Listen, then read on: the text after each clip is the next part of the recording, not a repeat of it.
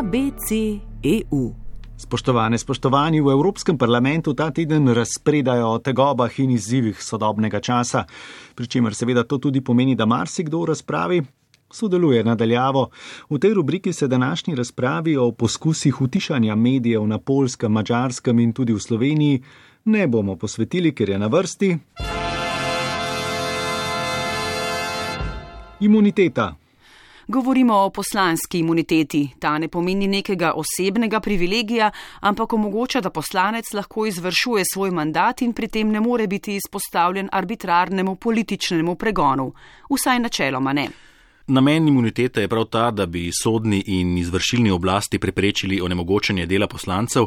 Ta instrument izvira iz srednjeveške Anglije, ko se je dogajalo, da je kralj poslanca, ki je naprimer zavrnil njegov predlog proračuna, preprosto poslal v zapor ali pa ga kaznoval z globo.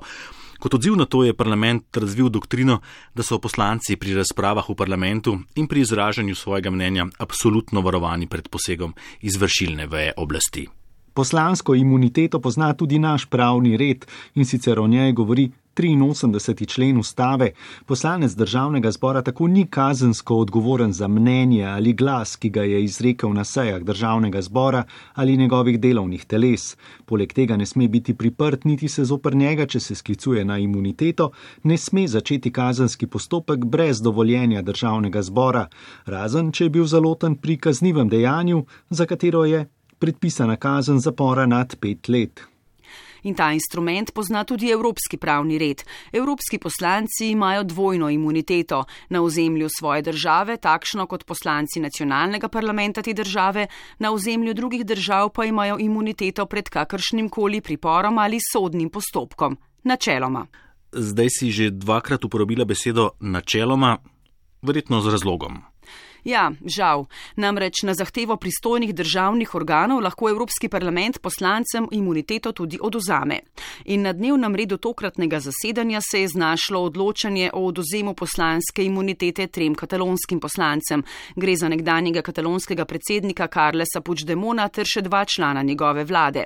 In na ponedeljkovem tajnem glasovanju jim je bila imuniteta tudi oduzeta. Zato je glasovalo 400 evropskih poslancev, 248 jih je bilo proti, 45 pa se jih je glasovanje vzdržalo. Španija namreč zahteva njihovo izročitev, saj jih obtožuje upora. Zaradi organizacije katalonskega referenduma o neodvisnosti leta 2017 jim grozijo dolgoletne zaporne kazni. Te že približno tri leta prestaja devet drugih katalonskih voditeljev, med njimi tudi dva voditelja civilno-družbenih gibanj, ki torej nista imela nič samo organizacijo referenduma, pač pa sta obsojena zaradi organizacije protestov. Njuna obsodba je zato še toliko bolj sporna. Amnesty International je denimo Španijo že večkrat pozvala k njuni izpustitvi.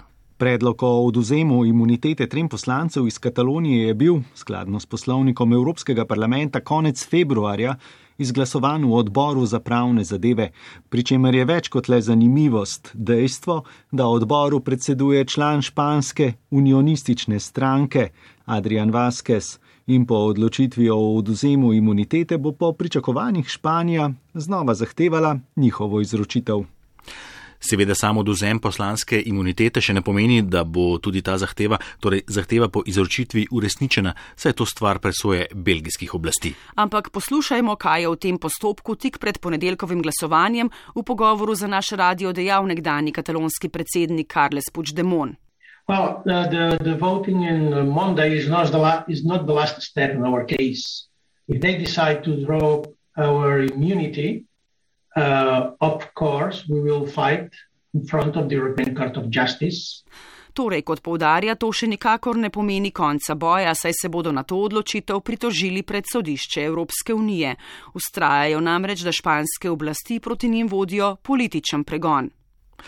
Predvsem, še izpostavlja Puigdemont, ne gre za vprašanje podpore neodvisnosti Katalonije, ampak za vprašanje pravice manjšin in pravice izražanja političnih stališč.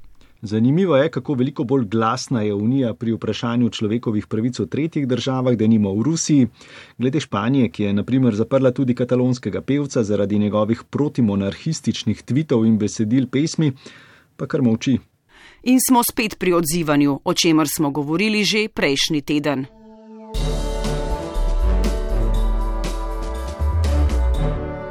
ABC EU.